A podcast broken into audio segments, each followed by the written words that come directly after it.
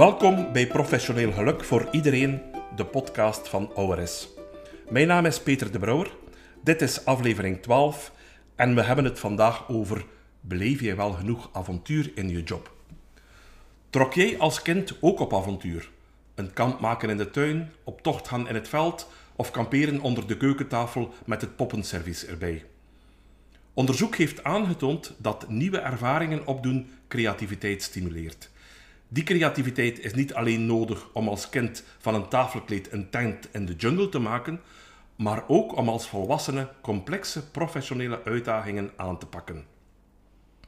Een mooie manier om opnieuw creativiteit te gaan stimuleren is door microavonturen. Dit zijn kleine, anders dan anders ervaringen die een nieuwe kijk geven. Google maar eens op de term micro-adventures en je krijgt interessante lijstjes. Je zult merken dat dit niet alleen privé verfrissend werkt, maar je ook nieuwe inzichten kan geven voor je professioneel geluk.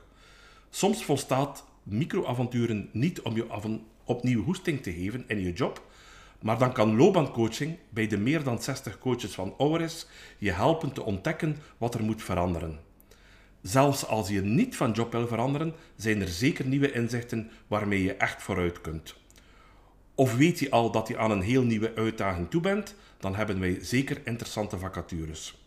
Het team van Auris staat voor je klaar. Voor nu wens ik je een energieke dag en graag tot een volgende keer.